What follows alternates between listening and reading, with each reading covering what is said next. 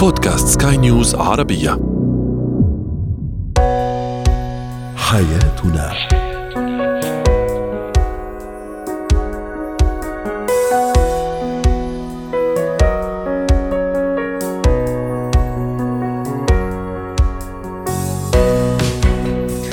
مستمعينا الكرام أهلا بكم. معنا إلى حياتنا. فضاؤكم اليومي الذي يعنى بشؤون الأسرة وباقي الشؤون الحياتية الأخرى هو الذي يمكنكم الاستماع إليه عبر منصة سكاي نيوز عربيه dot com slash podcast وباقي منصات سكاي نيوز عربية الأخرى. شاركونا عبر رقم الواتساب 00971 561 88 622 معي أنا آمال شابة. اليوم نتحدث عن التهديد الدائم بالانفصال والطلاق. لماذا يهدد الشريك الزوج أو الزوجة الطرف الآخر بالانفصال والطلاق؟ كيف أقنع الطفل. كيف أعلم الطفل عفوا القناعة والرضا؟ أخيرا كيف أكون مكتفيا بذاتي؟ هو وهي.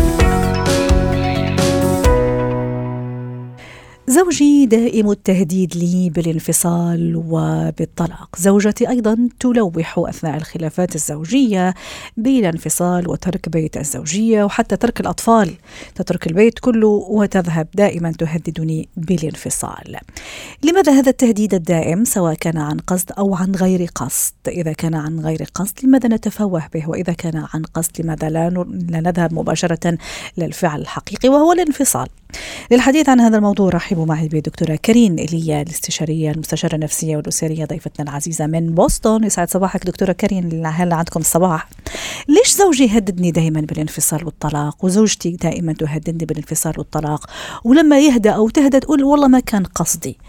خلينا نروح ل يعني في كلتا الحالتين لما ما يكون قصده أو قصدها واحيانا لا يقصد. لماذا يهدد بالطلاق رغم إنه ما يقصده؟ آه، أما في شغلة مهمة إنه نحن الأشخاص يلي بيهددوا هن بينتموا لشخصيات مختلفة. وعندما يأتي التهديد من شخصيات مختلفة بيكون له معاني مختلفة. لأنه مش كل شريك بيهدد بالانفصال بيشبه تهديد شريك ثاني آه، للانفصال في بعض الأشخاص بيهددوا تيعملوا مانيبيوليشن تيكونوا عم آه. بالشريك الآخر آه، مثل كأنه هيدي ورقة لهم ورقة قوة الشريك الآخر بيكون عنده مثلا تعلق فيهم هن بيهددوه بالانفصال يعني بيهددوه بقطع صلة التعلق فيهم. فبيتوقع أو بينتظر منهم يكون عندهم تصرفات أو سلوكيات متغيرة أو أو مختلفة. آه. في أشخاص لأسباب هستيرية بضلهم يهددوا بال بالانفصال والترك وهن أصلا ما عندهم لا الجرأة ولا عندهم القدرة ومش أخذين قرار نهائي بالانفصال. في أشخاص ثانيين بيهددوا لأسباب ثانية وغيرها. فمعظم الأحيان وقتها يكون في تهديد قلما يجي من بعده تنفيذ.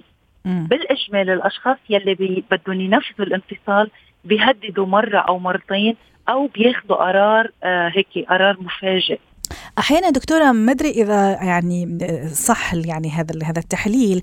أحيانا لأنه بده يشعر بالطمأنينة بمعنى لما بقول له أنا رح أترك البيت أنا ناطرة منه يقول لي لا بليز أنا ما في أتخلى عنك وطيب والاولاد وانت محور حياتي وانت حبيبتي وانت زوجتي. يعني بدي أنا أشعر هذا الشعور بالطمأنينة مشان هيك أحيانا أهدد بالطلاق. صح التفسير ولا لا؟ لك هيدا هيدا يمكن ابسط أبسط تفسير ممكن نوجده بين ثنائي آه عم بيهددوا بعضهم بالانفصال فقط م. للبحث عن الطمأنينة، لأنه بالإجمال الشخص يلي بيهدد بالانفصال بأكثر الأحيان وهون أنا عم كون حذرة بالفاظي وبالتعبير لسبب م. معين إنه كثير العلاقة بين الطرفين يلي فيها تهديد بتختلف من ثنائي لآخر فبالإجمال وقت يكون في تهديد هي مش بس للبحث عن تطمينات بقدر ما للضغط على الشريك أو للعب ورقة رابحة مع شريكي لأنه بالإجمال أنا ما بهدد شريك ماني ضامن إنه متعلق فيي أو ماني ضامن ردة فعله أو ماني ضامن بده يقول لي خليكي أو ما تفلي.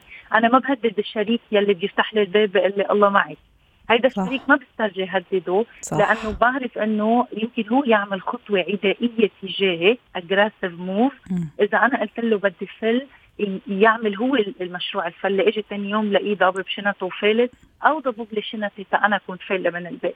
عم تحكي في نقطة في غاية الأهمية. دكتورة على شخص على شخص عندك قدرة أكبر عاطفية عليه. ولكن ال manipulation أو هيدي آه، فعل التهديد الدايم هيدا ما بيدوم لفترة كتير طويلة.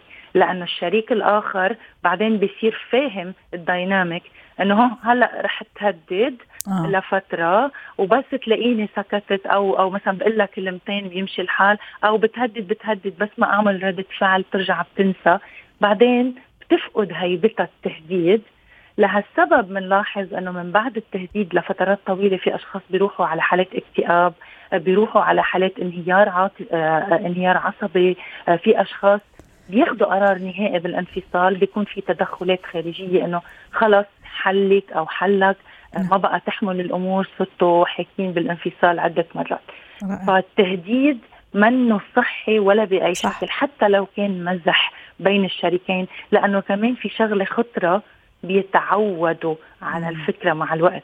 والتهديد ضد يعني عكس الأمان عكس الطمأنينة. لما أنا أكون دائما مهدد أو مهددة ما أكون في أمان وما أشعر بالطمأنينة ولا أشعر بالسكينة اللي هو الهدف الأساسي من من هذا الزواج ومؤسسة الزواج. أحيانا كمان نهدد لأنه ما عم نعرف نحل مشاكلنا. هذه كمان مشكلة صح ولا لا؟ ما عم أعرف أحل مشكلتي. بالإجمال بالإجمال مش هيك. الشخص يلي بيهدد الشريك بالإجمال بيكون عم بيقول له للشريك إنه أنا الضعيف وأنا ضحيتك وأنا ما رح أتحمل بقى آه، تعسفك بهيد بالبيت رح فل. بالوقت يلي فعليا هي مش هيك بتكون الديناميكية.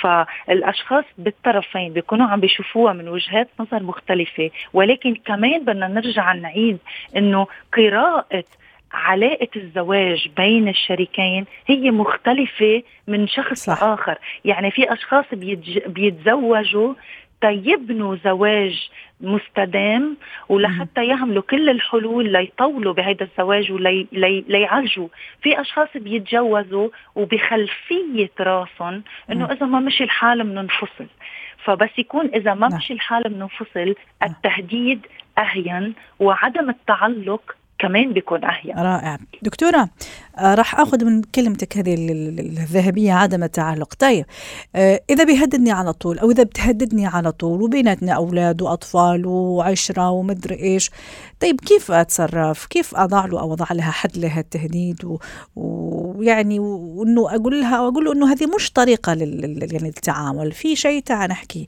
في شيء خلينا نتحاور لكن مش بطريقة التهديد. إذا زوجي أو زوجتي دائما تهددني إيش أسوي؟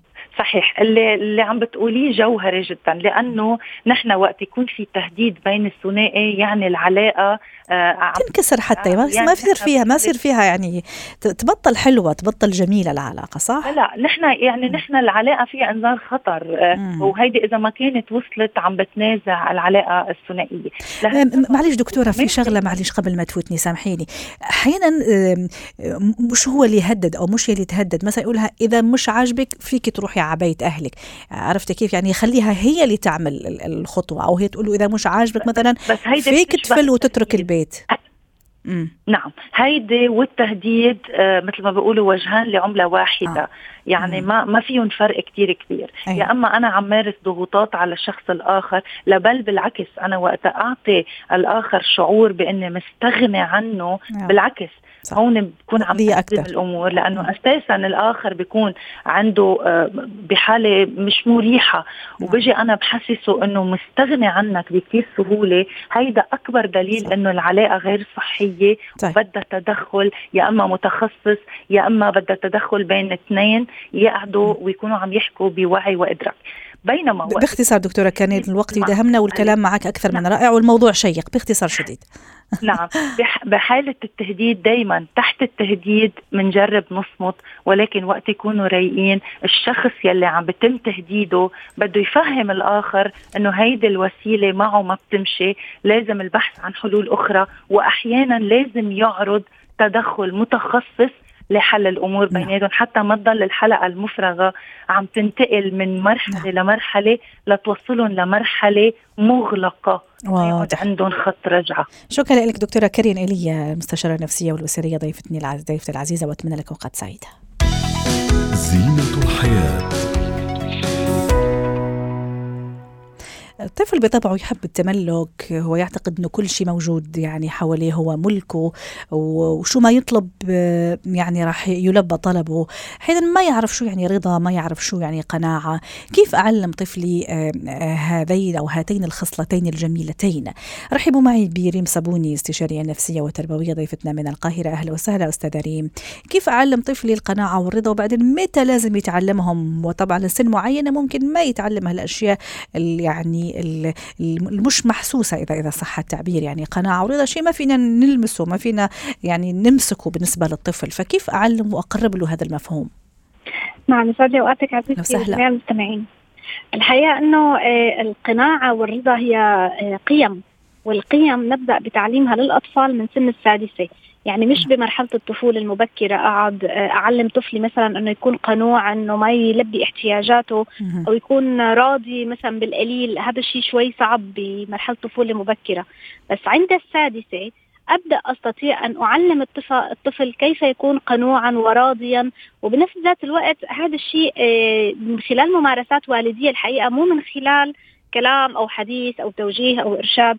لأنه بهذا السن أصلا هو آه، الطفل بحاجة إلى أن يتعلم عن طريق الفعل والقدوة والمحاكاة آه، نعم. محاكاة الأفعال وإنه البيئة تكون أصلا داعمة لهي القيمة رأي. كيف هذا الشيء أنا بقدر أعمله آه، من خلال ممارساتي أنا الوالدية مع طفلي يعني مثلا الطفل المغدق والمشبع بالاحتياجات المادية والطلبات متى ما طلب الطلب فقد أجيب وما في كلمة لا ابدا أو ما في حتى آه، آه، زي ما بيقولوا كده تقنين تقنين للاحتياجات المادية زي الألعاب زي الهدايا زي حتى الأشياء اللذيذة الطيبة يعني آه، أي شيء هو بيطلبه.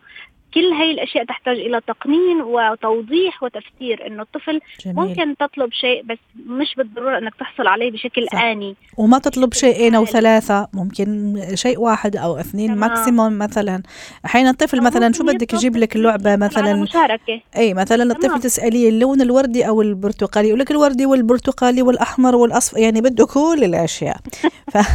ففعلا يعني إنه زي ما تفضلتي استخدمتي مصطلح جميل تقنين وراح اضيف ترشيد كمان ترشيد الاستهلاك بس هالمرة عند الطفل كثير ضروري الطفل آه، آه، في في في أطفال يعتقدون إنه بابا يضع الكرت في المكنة فهذا الكرت سحري ويخرج لنا الفلوس مم. فالفلوس غير منتهية يعني هم أصلا يعني إيه بيفهموا الموضوع على إنه آه، في موارد صح. الموارد غير محدودة ومتى طلبت أجبت مم. فهون الخطأ سيقع علي أنا كوالد أيوة. والدي إنه أنا ما أوضح إنه أنا صح. متى ما طلبت وجبت ولبيت رغبتك آه، بشكل آني. على فكرة هذا الشيء لا يتعلق بالمستوى المادي. مم. يعني مش معناته أن أنا مستواي المادي كويس فأنا أغدق آه، بطريقة عشوائية وبطريقة غير محسوبة ومدروسة ولا أيضا لأنه أنا مواردي محدودة فأنا لا أستطيع الإنفاق. على فكرة كمان أحيانا أنا كأم وأب ممكن أعلمه بها بشكل غير مباشر أنه عدم الرضا وعدم القناعة. بمعنى مثلا أنا طالعة أيوة. آه، ممكن يبكي شوي ماما وين رايحة؟ أنا رايحة للعمل حتى أجيب فلوس وهالفلوس أشتري لك إياهم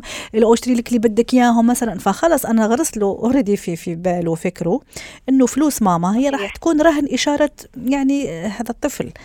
فكمان هذه مشكلة أخرى. الادخار ست آه، ريم تشوفيه مهم وخطوة نحو فعلا أعلمه الرضا والقناعة لما يدخر لما يعرف كيف مثلا فلوسه يحافظ عليها يعطيها أحيانا أو يعني بشكل مثلا شهري آه، اقتطاع منها لناس محتاجين. هذه كمان قناعة ورضا مش كل شيء لإله مش كل مبلغ لإله. تماما تماما. وهذا الشيء بيحصل بالتدريج مش يعني يوم وليلة الطفل حيتعلم آه، القيمة المالية والاشياء آه، آه، ماذا تساوي. طبعا جيد جدا إنه الطفل يفهم إنه هذا الشيء اشتريته بالمبلغ الفلاني والمبلغ الفلاني هذا مبلغ كبير. وممكن حتى إنه هذا المبلغ أنا أجيب فيه عدة أشياء مش شيء واحد. وما هو الأساسي والاحتياج وما هي الرفاهية أيضا. وكمان ممكن نعلمه مبدأ المشاركة. أنا بإمكاني إني أجيب لك لك ولاخواتك آه، ممكن تشارك حتى ألعابك مع أصحابك ممكن نبدأ كمان ندخل مفهوم التطوع آه وما آه معنى صح. أن أن أن أعطي غيري نعم. آه من الأشياء اللي أنا مستمتع فيها اوريدي وكمان حس بالسعادة من ناحية العطاء مش الأخذ فقط. أيوه. وكمان حتى نختم آه آخر نقطة أستاذ ريم إنه موضوع الامتنان أيضا نحسسه إنه قديش إحنا لازم نكونوا ممتنين آه لنعم الله سبحانه وتعالى أيضا. فهذا الامتنان كمان نقطة كثير آه، مهمة آه أستاذ ريم. آه حتى آه نعلم طبعا. الطفل الرضا والقناعة. ممكن الامتنان يدونها إذا كان طبعا في سن تسمح له إنه ممكن يعرف يكتب أو يعني يتذكر بنعم الله سبحانه وتعالى أنه أنا طفل جميل نعم. بصحة جيدة ذكي معي بابا معي ماما عندي إخواني عندي عائلتي هذه كلها تمام. طبعا هي نعم جميلة وحتى نحن الكبار في الحقيقة لازم أنه نحرص أنه يعني نمتن لله سبحانه وتعالى والنعم طبعا. لأنه من أكبر الأخطاء لطيف صح من أكبر الأخطاء حتى ممكن نحن الكبار نعملها هالأشياء الموجودة عندنا نحسها يعني بالنسبة لنا تحصيل حاصل في حين إنه لا الناس بتمنى في بيت يدفيها آه، لقمة أيوه. هنية بتاكلها آه، بتشرب مي من غير ما تتألم من غير ما تتوجع في ناس ما فيهم يشربوا مي مرضى يا حرام في ناس ما فيهم يمشوا تماما. صح فهذه كمان يعتبرون أن الأشياء هي طالما هي متاحة فهي متاحة للجميع صح, صح. آه صح. وهي قد لا تكون فعلا يعني زي ما قلتي أبسط الأشياء متاحة لبعض أطفال آخرين في العالم في وحتى الكبار يعني نذكر آه. نفسنا أذكر نفسي ونذكر نفسنا كمان هذه نعم سبحان الله الله سبحانه وتعالى لازم دائما نكون ممتنين ونشكر ربنا عليها. شكرا لك أستاذة ريم صابوني أسعدتيني اليوم وأتمنى لك اوقات سعيدة. مهارات الحياة. أحيانا أسأل شخص يقول لي أنا مكتفي بذاتي. يعني شو مكتفي بذاتي؟ أحيانا لا في أشخاص مش مكتفيين بتلاقيهم دائما يحاولوا يعني يعملوا أكبر عدد ممكن من العلاقات من الأصدقاء. أي العلاقات كثير مهمة والعلاقات الإنسانية كثير مهمة ما فينا نعيش لوحدنا آه، في في هالعالم وفي هالمجتمع. لكن شو يعني إني مكتفي بذاتي؟ رحبوا معي برزان الكيلاني مدربة مهارات حياة ضيفتي من عمان. استاذه رزان شو يعني إنه أكون مكتفي بذاتي؟ يعني إني أعيش وحدي مثلا إني يعني أدبر نفسي بنفسي شو يعني؟ اشرحي لي بالضبط. هو السلام الداخلي عندما أكون لوحدي. يا سلام. هذا هو من الآخر. الذاتي. نعم. طيب. من الآخر هذا هو. بس أكيد هذا من الآخر ما راح يجي كذا بالساهل صح؟ صح طبعا. طيب. طيب كيف أوصل لهذه المرحلة اللي اختصرتيها أنت بكلمتين لكن هي مسار طويل في الحقيقة من التجارب من الإخفاقات من المواقف من نشتغل على نفسنا؟ كيف يجي هذا السلام الداخلي والاكتفاء الذاتي نعم. هلا في البداية لازم إحنا ننتبه على التربية. نعم. آه التربية هي آه يعني حكر لثقافة المكان. فبالتالي إذا كانت الثقافة جماعية بالتالي يعني مثلا متعودين كل شيء مع بعض آه، معشرانيين المناسبات الأفراح الأطراح كلها مع بعض إلى آخره. لما الواحد بتربى بهذا الشكل بتربى على الاعتمادية والاتكالية. فبالتالي بنلاقي من مضار هذا الأمر إنه مثلا إذا أخفق في شيء بقول لك فلان آه، سقطني في الامتحان أو مثلا فلان تقصدني فبالتالي ما أخذت هاي الوظيفة إلى آخره. أو مثلا أنا سأعتمد على فلان في الإنفاق على ذاتي بالذات النساء يعني. فمنلاقي إنه آه، آه، أغلب الأوقات الثقافة هي اللي بتعلم الإنسان ما هو عكس إنه الإنسان يعرف يكتفي بذاته ويستقل بذاته وهو لما يشعر إنه حابب يختلط بالآخرين بيختلط فيهم بكل أريحية. ست رزان الاستقرار المالي مثلا أنا عم تسائل ها استقرار المالي والمادي قوة الشخصية استقلال أو تعزيز استقلال الشخصية تعزيز قيمتنا الذاتية هل كمان هذه خطوات نحو تحقيق هذا الاكتفاء الذاتي؟ هو بالاساس بالأساس آه، آه، العقلية ورقم اثنين الاستقلال المالي. هلأ الاستقلال المالي أو المادي هو مش سهل طبعا ولكن إنه الإنسان يمتلك حرفة أو علم أو مصدر ما يدر له الدخل طبعا هذا بيساعد في الاكتفاء الذاتي. هلأ بس وحده مش كافي الاستقلال المادي لأنه في كثير ناس مستقلين أيوة. ماديا بس لا أيوة. يعني مش مكتفيين يعني بأنفسهم. أيوه. تماما. فهلأ بنقولنا للخطوة الثالثة اللي هو الذكاء العاطفي والاجتماعي. يعني الذكاء العاطفي إني أنا أفهم مشاعري وبالتالي بقدر إني أفهم آه، مشاعر الناس حوالي. الذكاء الاجتماعي هو العتبة التي ما بعد ذلك. بمعنى إني أنا كيف أتواصل مع الآخرين؟ كيف أبني علاقات فعالة؟ كيف أحتاجهم وأحقق احتياجاتي بدون ما أذل نفسي ولا أخليهم هم يكسبوا على حسابي أو أنا أكسب على حسابهم. هذا هو اسمه الذكاء الاجتماعي. فبالتالي الذكاء الاجتماعي ما ما يدفع بعد ذلك هو الذكاء آه، الروحاني. الذكاء الروحاني هنا بشكل رئيسي آه، آه، بيخلي الإنسان دائما يستنبط المعاني من وراء وجوده بمعنى إنه هو مش وجوده مصلحة يعني أنا ما ببني علاقاتي وصداقاتي على المصالح زي ما إحنا شايفين بهاي الأيام ولا, أبنيها كمان على اللي راح يعتقدوها ويعتقدوها عني عفوا أحيانا في أشخاص قلقين جدا بشأن شو راح يعتقد الناس علي سين أو صاد أيوة. شو راح. يقول علي طيب أيوة. أوكي يعتقدوا شو ما يعتقدوا ما دام أنا واثقة وأنا واثق الثقة. خلاص يعني لاعتقاد الناس يعني لن يعني لن يسمن ولن يغني من جوع. صحيح صحيح. فاذا الاكتفاء الذاتي هو الاستقلال العاطفي والاجتماعي والمادي. يعني أنا لما أكون بحاجة لعزلة إيجابية خلينا نسميها يعني أنا ما لا لا أمتلك جوع. طيب عم يسألوك يعني إيه استقلال عاطفي؟ آه، استقلال عاطفي يعني أنا مش آه، آه، آه، يعني مش تابع على شخص غياب سين أو زاد ما راح يعني كثير يأثر فيا. أيوه. صح؟ أيوه بالضبط. يعني أنا وجودي ليس يعني مرتبط بشكل أساسي بوجود آخر. يعني مثلا أيوة. واحدة من الحالات اللي إجت لي إنه واحدة أمها توفت مع إنه هذه الامرأة عمرها خمسين سنة بس بطلت عارفة تعيش حياتها قد ما هي جدا متعلقة بأمها. فالتعلق هو شكل سلبي من ال ال ال آه، العلاقات. هلأ لا أنا بدي أعتمد على رضا الآخرين أو وجودهم في حياتي وبنفس الوقت صح ما بدي. أنا مش مستقل بذاتي 100% مستغني عن العالم. طبعا طبعا. أكيد يعني آه، يعني الاكتفاء بالذات لا يعني أنه نستغني عن الناس وحبايبنا وأحبابنا وعائلتنا وناسنا وأحبابنا أكيد هذا آه، يعني آه، يعني شيء مفروغ منه. طيب القاعدة الذهبية اللي حابين اليوم نعطيها في ختام هذا البرنامج قبل ما نودعك على خير أستاذ رزان شو ممكن نقول للمستمعين مشان الاكتفاء الذاتي أكون مكتفي بذاتي؟ بالذات في هذا الزمن آه المدن كبرت والجيران بطلوا يعرفوا بعض وصار الكل بيركض إيقاع الحياة سريع أحيانا للأسف الأهل بطلوا يعرفوا بعض. تماما. مم. فبالتالي الأعراف والعادات والتقاليد اللي نشأنا عليها قد لا تكون موجودة فبالتالي ممكن تؤدي لعزله سلبية مم. واكتئاب. وبنفس الوقت آه، آه، آه، في عندنا برضه انتشار العلاقات اللي هي مبنية على المصلحة برضه هذا سلبي لأنه برضه ممكن يعمل اكتئاب نعم. فإذا إحنا بدنا نحقق التوازن بين أني أنا داخليا عندي سلام داخلي يعني أنا لما بتواجد مع نفسي بمعزل عن الآخرين. أنا سعيد ومكتفي وعارف أكمل حياتي وعارف أقوم بكل أنشطتي وحياتي لها معنى. وبنفس الوقت لما يخطر على بالي أصدقائي وأشتاق لهم أروح وأبني معاهم أواصر محبة خالية من المصلحة. رائع. بالتالي بناخذ وبنعطي نفس الكم من العاطفة. رائع. والتوازن كثير مهم. أنا تعجبني المقولة اللي هي تقول لا تكن ليلا فتعصر ولا صلبا فتكسر. يعني يعني التوازن جميل. تماما. يعني في كل شيء. شكرا لك نزان أسعدتيني وأتمنى لك أوقات سعيدة ضيفتي العزيزة من عمان. ختام حلقة اليوم من حياتنا. شكرا لكم وإلى اللقاء.